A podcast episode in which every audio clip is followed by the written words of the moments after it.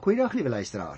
As jy in die Bybel sou kyk eh, by eh, Romeine die 13de hoofstuk, net bo kan vers 8, is daar 'n opskrifie wat sê liefde is die volle uitvoering van die wet. Nou ek het uh, gesê so het julle net nou gehoor in die uh, aankondiging dat ons vandag met mekaar gesels oor die tyd is dringend. Nou ek dink 'n mens moet die twee goed bymekaar bring hoor, want die Here bedoel in sy woord dat ons altyd in dringende tye lewe in ons uitvoering van die liefde. Met ander woorde, die liefde moet 'n lewenstyl wees vir Christus gelowige mense. En, en dan moet jy oplet die tipe liefde waaroor ons vandag gaan gesels en waaroor dit gaan. Daarin gee die Heilige Gees dit aan die gelowiges. Ons het dit nie uit onsself nie, hoor. Gaan kyk maar Romeine 15 vers 30 as jy dit daar kry. Ons moet ander mense lief hê met Christus se liefde, liewe luisteraar. Dit beteken dat ons nie redes soek om die persoon lief te hê voordat ons hom of haar liefhet nie, maar dat ons die persoon liefhet ten spyte van al die redes wat jy en ek sou kon opnoem waarom ons daardie persoon eintlik nie lief behoort te hê nie. Immers, dit is hoe die Here vir jou en vir my liefhet, nie waar nie, luisteraar? Hy het ons nie lief op grond van wie ons is of hoe ons lyk of wat ons gedoen het nie. Nee, die liewe Here het ons lief ten spyte van onsself. En dit is daardie soort liefde waarvan Paulus ook hier praat in Romeine 13.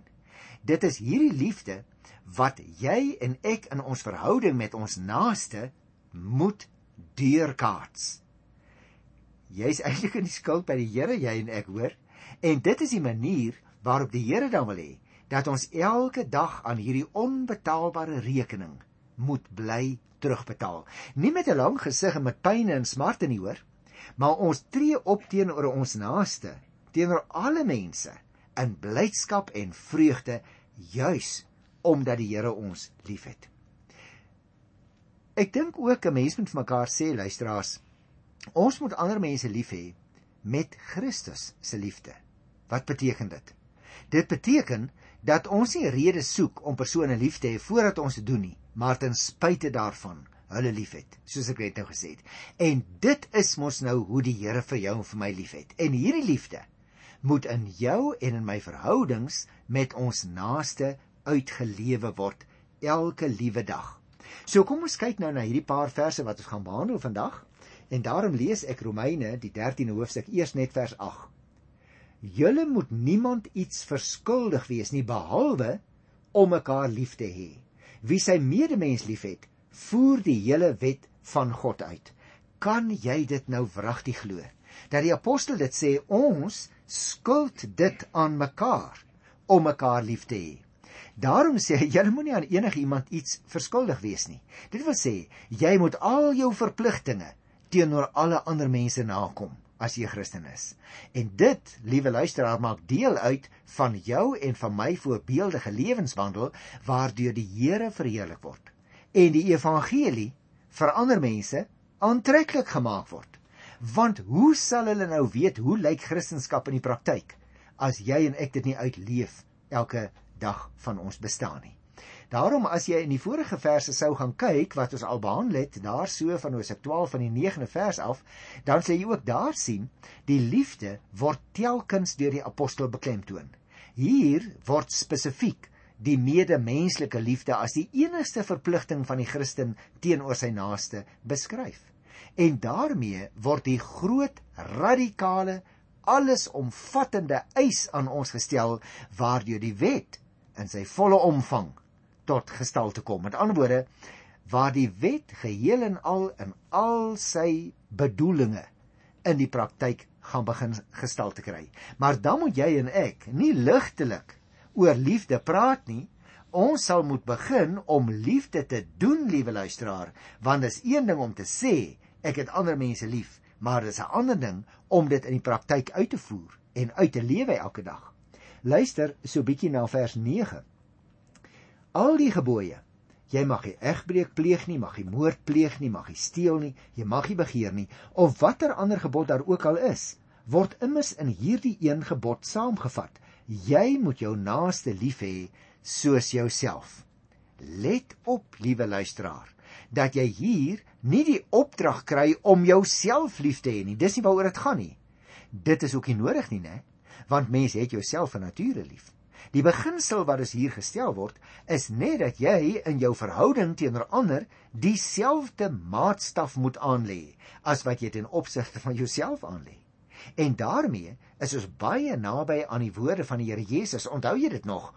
Doen aan ander soos jy graag wil hê hulle aan jou moet doen.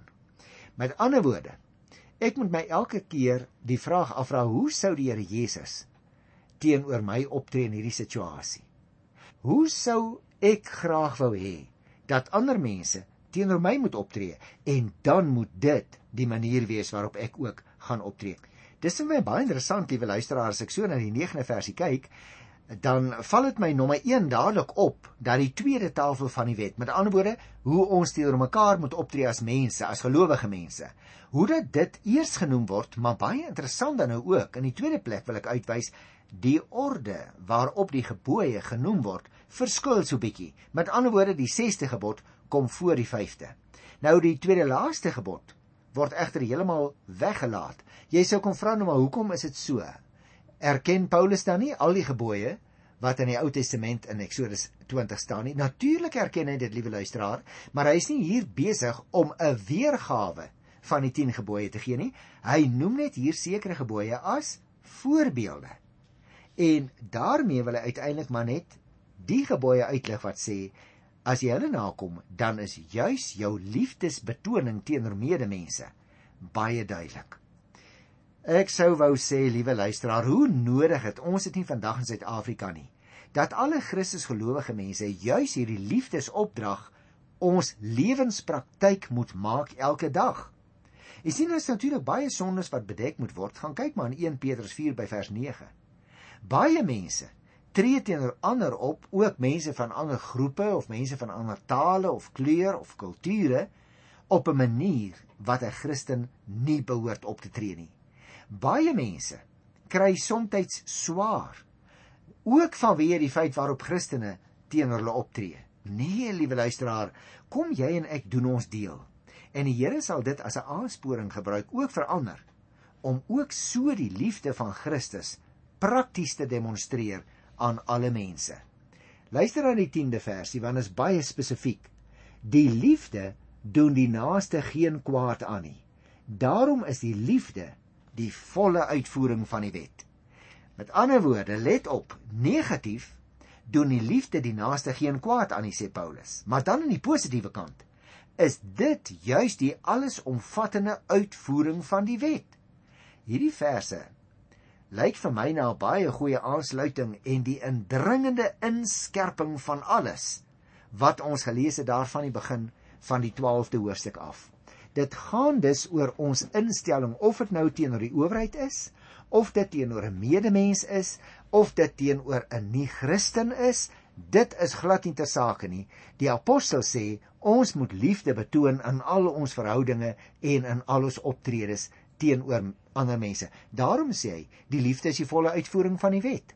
Ons moet dus ander mense lief hê, liewe luisteraar, met Christus se liefde.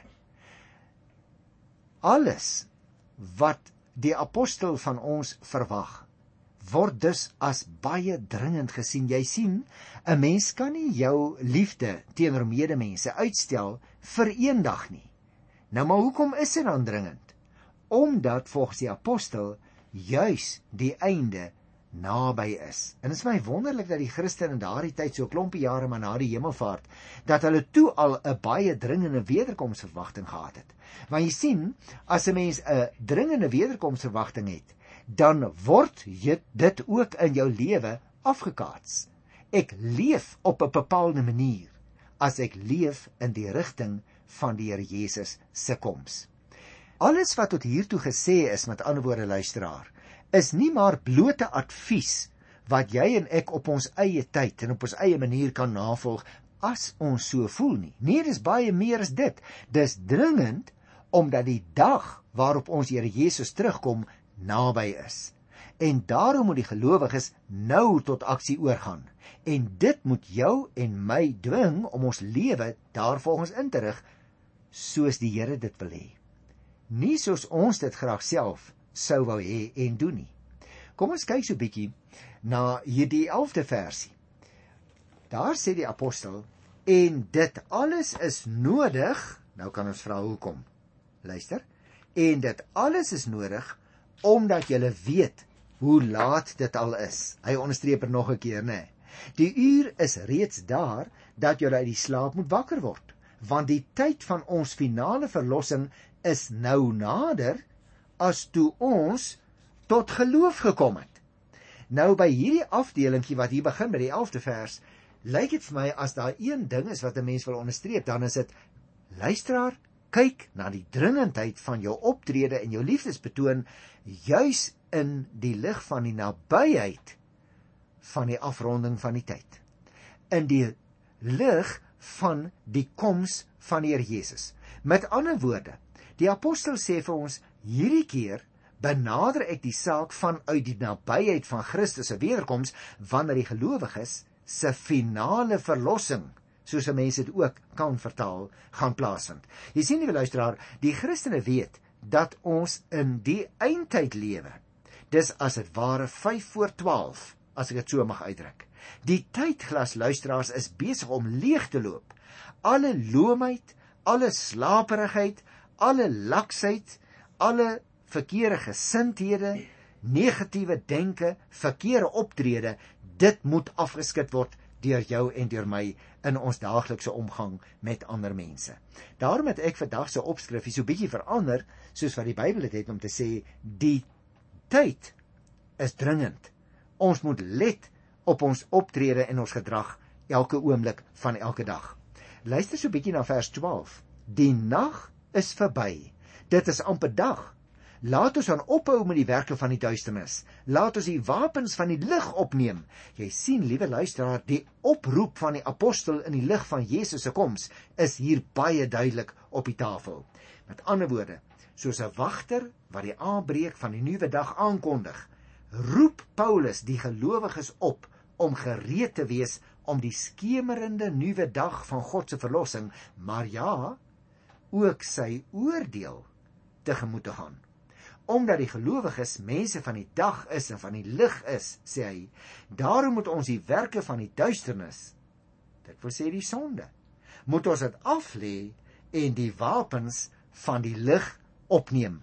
Dit is dus 'n baie sterk oproep wat die apostel hier tot ons rig tot 'n positiewe lewenstyl en aan die ander kant om die negatiewe goed, die donker goed af te gooi en uit te skakel uit ons lewens. Ja, die son van geregtigheid kom. Die dag, soos die apostel die teendeel hier noem, sien natuurlik op die heerlikheid wat sal aanbreek by die wederkoms. Paulus verwag dus die wederkoms as iets wat baie naby is. Hy sê dit is amper dag. En juis hierdie tydsomstandighede luisteraars dring elke gelowige daartoe om nie langer met die sonde te heel nie, maar die werke van die duisternis, dit is die sonde in al sy forme af te lê soos wat 'n mens 'n kleed uittrek. En daarom wil ek vir jou oproep op grond van die Here se woord want dit roep my ook op dat ons die verkeerde dinge uit ons lewens doelbewus sal uitgooi. Dit sal uitskakel en dat ons as dit ware die goeie dinge, die positiewe dinge, die dinge wat ons as positiewe kinders van die Here kenmerk, dat ons dit as dit ware soos 'n jas sal aantrek. Luister na vers Ons moet welvoeglik lewe, soos dit in die daglig hoort. Daar moet geen drinkery en uitspattigheid, geen ontug en onsedelikheid, geen rusie of jaloesie by julle wees nie. Dis baie duidelik. Dit beteken ons moet welvoeglik handel as ek dit nou so moet saamvat in een woord. Liewe luisteraar, want jy sien, die welvoeglike lewe pas by die dag. Dit bestaan negatief in die wegdoen van alles wat in die vorige vers genoem is. Hierdie sondes het jy opgelet word in drie pare van 2 2 vermeld elke keer. Luister, die eerste 2 handel oor uitspattige eet en drinkgebruike. Soos dikwels destyds by die feesmaaltye aan die orde van die dag was. Die tweede groep wat hy noem, handel oor losbandigheid op sedelike en natuurlik nou veral op sedelike gebied. En die derde waarna die apostel verwys, handel oor optredes wat die onderlinge goeie verhoudinge kan versteur. Kom ek noem dit weer vir jou? Geen rusie en jaloesie nie. Jy sien as dit in 'n mens se lewe voorkom, dan versteur jy verhoudinge jy bou dit nie. Hy sluit af in die 14de versie deur te sê nee. Nee, julle moet lewe soos volgelinge van die Here Jesus Christus en nie voortdurend daarop uit wees om julle sondige begeertes te bevredig nie. Baie belangrik wat die apostel hier sê, nie waar nie, liewe luisteraar. Want jy sien positief moet die gelowiges lewe soos volgelinge van die Here Jesus Christus, sê Paulus. Die Christene is altyd as gelowiges aan Christus verbonde. Ons moet hierdie persoonlike verbondenheid egter steeds meer en meer toeëien elke dag. Ons moet dit as dit ware op ons gesig skrywe. Ons moet dit van binne af uit belewe. Hierdie nuwe lewe wat die Here vir ons moontlik gemaak het. En daarom die omvattende en die ingrypende implikasies van 'n lewe wat so deur Christus bepaal en gestempel word, word juis beklemtoon deur die vooropstelling van wat die apostel noem die Here wat Jesus Christus as die gesagvolle Heer oor die gelowiges sy hele bestaan aandui. Kom ek sê dit andersom. Wie uit Jesus Christus die Here lewe, sal nie voortdurend daarop uit wees om die oogmerk van ons vorige baas, naamlik die vlees, die duiwel, ons sondige begeertes. Dit sal ons nie meer verder wil bevredig nie. Ons strewe nou om die wil van ons nuwe eienaar, Jesus Christus, na te kom. Dis 'n baie skerp teenstelling luisteraar, want in teenstelling met die lewe in die duisternis wat Paulus van alle vers 13 beskryf het, moet die gelowiges hulle beklee hier in vers 14 met die Here Jesus Christus.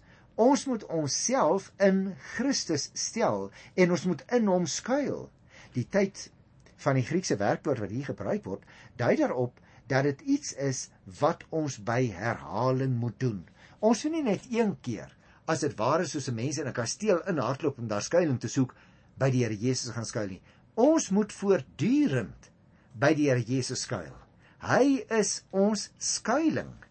Anders, liewe luisteraar, sal ons nie daarin slaag om dit wat die apostel sê regtig uit te leef teenoor mekaar elke dag nie. Nou wil ek so 'n bietjie ter opsomming van hierdie uh, klompie verse wat ek behandel het vandag net 'n paar praktiese goed noem. Want jy sien, dis natuurlik baie lekker om laat te lê in die oggend. Luister weer na vers 11. Dis alles nodig omdat jy weet hoe laat dit al is. Die uur is reeds daar dat jy uit die slaap moet wakker word. Want die tyd van ons finale verlossing is nou nader as toe ons tot geloof gekom het. Jy sien, is lekker om laat te lê in die môre totdat iemand vir jou sê, "Hey, weet jy hoe laat dit is?" Nie waar nie, luisteraar. Nou in hierdie vers 11 wil die apostel ons laat verstaan dat die hemelse wekker afgegaan het toe die Here Jesus gekom het. Ons moet wakker word uit die slaap, luisteraars, want die Here Jesus het soos die môre son opgegaan as jy daarso gaan kyk in Lukas 1 vers 78, die pragtige beeld. Die nabyheid van die volëinding maak die tyd dus soveel meer dringend. En in die lig daarvan roep die apostel die gelowiges op tot aksie. In die 12de vers het jy gesien word die beeld gebruik van 'n nagwag, want daar het hy gesê die nag is byna verby. Dit is amper dag. Nou hierdie beeld van die nagwag wat die slaapendes in die oggend wakker maak. Ag nou ja, natuurlik is dit maklik verstaanbaar. Met ander woorde, hy wil vir ons met daardie beeld sê, kyk hoe laat is dit al. Die daarraad van die goddelike heil het aangebreek. Die nag is aan die verbygaan, mense. Die goddelike heilsorde tree in. Christus se kom sny alreeds in op die voortwentelende geskiedenis wat maar elke dag net voortrol. Die Here wil ons as dit ware met geweld die nag laat ontsnap. Maak julle los van die donker goed waarmee julle besig is elke dag. En daarom het die 12de en die 13de vers baie betekenis, né? Daarom sny die koms in. Die koms van die Here Jesus sny in in jou en my optrede in ons lewenstyl elke dag. Nou wie dit nie weet en nie daarin lewe nie, is as dit ware nog aan die slaap volgens die apostel, terwyl dit al so laat is, né? Terwyl dit al vroeg môre is. Ons kan byna die lig van Jesus se wederkoms sien. Nou moet ek dadelik sê, dit was juis die probleem met Jerusalem, dat hy die gunstige tyd toe God hom besoek het, nie opgemerk het nie. Gaan kyk maar in Lukas 19 by vers 44. Hulle kon nie die tyd beoordeel nie. Hulle kon dit nie reg onderskei nie, want hulle was besig die mense van daardie tyd met hulle eie dinge. Daarteenoor het die gelowige deur die gawe van die Heilige Gees die vermoë en die opdrag om die tyd te moet onderskei. En daarom moet ons die nagaktiwiteite staak. Ons moet aktief met die dagtaak begin. Luisteraars, daar is nie meer tyd volgens die Bybel vir 'n geestelike lui lekker lewe nie, maar is nou 'n stryd. Hoekom? Dis 'n stryd teen die statiese magte van die nag en die duisternis wat ons voortdurend wil insluk. En daarom het die 14de vers ons duidelik gesê: "Nee, nee, julle moet lewe soos volgelinge van die Here Jesus." Jy sien, ons nuwe lewenswandel moet prakties wys dat ons by die nuwe tyd hoort, by die nuwe dag hoort en nie meer by die nag nie. Ons pas mos by die lig nie waar nie. En nou noem hy apostel 'n paar voorbeelde en daarmee demonstreer Paulus dat die naglewe in krasse teenstelling tot die verbondenheid met Christus staan. Moenie voortdurend voorsorg tref vir die sonde nie sê hy, maar leef in toegewydheid aan die Here. Nou wil ek jou 'n vraag vra. Hoekom luisteraar dink jy is die tyd waarin ons lewe dan nou so dringend? Om 'n moderne woord te gebruik, Hoekom praat ons soms van 'n Kairos tyd? Jy sien, omdat dit juis in hierdie gedeelte gaan oor ons tyd van vervulling waarin ons lewe. Die messiaanse beloftes het in vervulling getree. In Christus se koms het die koninkryk immers onbetwisbare werklikheid geword. En daarom is die tyd wat dringend is. Dit stoot ons as ware vore in die rigting van die Here Jesus se wederkoms. Is ons dan nou al by die uit, eindpunt mag jy vra? Nee, luisteraar, maar die eindpunt is alreeds in sig met die oog van die geloof. Tussen ons en die eindpunt staan eintlik nog net 'n klein stukkie tyd totdat die Here Jesus verskyn. En nou moet ons oplet, liewe luisteraar. Die boodskap van die saligheid fikseer nie op die toekoms nie, maar moet geaktualiseer word nou in die hede op elke terrein van ons lewe elke dag. Dit beteken byvoorbeeld dat Christus se koms 'n beslissende verandering het op die lewens van die wat aan hom glo. En hoewel ons eintlik maar nog net grensbewoners is, in die voorportaal is, wagtend is, leef jy en ek dus eintlik tussen die tye, tussen die lig en die duisternis rondom ons en soms ongelukkig in ons. Die dringende tyd roep ons dan ook voortdurend op om waaksaam te wees. En luister aan die gevaar is altyd daar dat ons weer nie slaap mag raak of dat ons mag terugval in die roes van die nag. En enige kompromis met die duisternis is om die lig in ons onder die maatemmer toe te maak. Dit gaan ons hier oor die wonderlike, helder, glansende beeld van lig teenoor duisternis, van wakker wees teenoor om aan die slaap te lê of aan die slaap te raak. Ek wil vir jou net aan herinner, liewe luisteraar, in gewone terme. Die werklikheid van die môre rooi het aangebreek. God se wekker het afgegaan met sy eerste koms en elke keer as dit Kersfees is, dan word ons herinner daaraan dat die Here die donker nag deurbreek het. Hierdie tyd wat so dringend is, dit maak 'n appel op jou en my hoor. Want dit bevat 'n wekroep. Kom uit uit die slaap. Die afgang van die wekker luisteraar is die voorloper van 'n finale beslissing, 'n handeling, 'n bepaalde optrede wat weer eens van die Here se kant af kom voor die wederkoms. Hy roep ons op in die lig van sy wederkoms. En daarom wil ek afsluit met 'n laaste gedagte. Hierdie nuwe lewens of handelingsmoontlikhede gaan oop nadat 'n mens eers een keer ontdek het wie die Here Jesus is. En nou ja, luisteraar, elke keer as ons nader kom na Kersfees, dan word ons juis herinner aan sy koms. Moenie vaskyk teen die liggies nie. Moenie al die blinkertjies en die plakkertjies en al die goed wat ons mekaar gee wat niks met Kersfees te maak het nie, moenie daarteen vaskyk nie. Nee. Die tyd is dringend omdat Christus gekom het en omdat ons leef in die lig van sy wederkoms. Kom jy en ek gaan met mekaar oor die einkoms aan. Kom ons lewe elke dag so. Ek groet jou in die wonderlike naam van die Here. Tot volgende keer. Tot dan. Totsiens.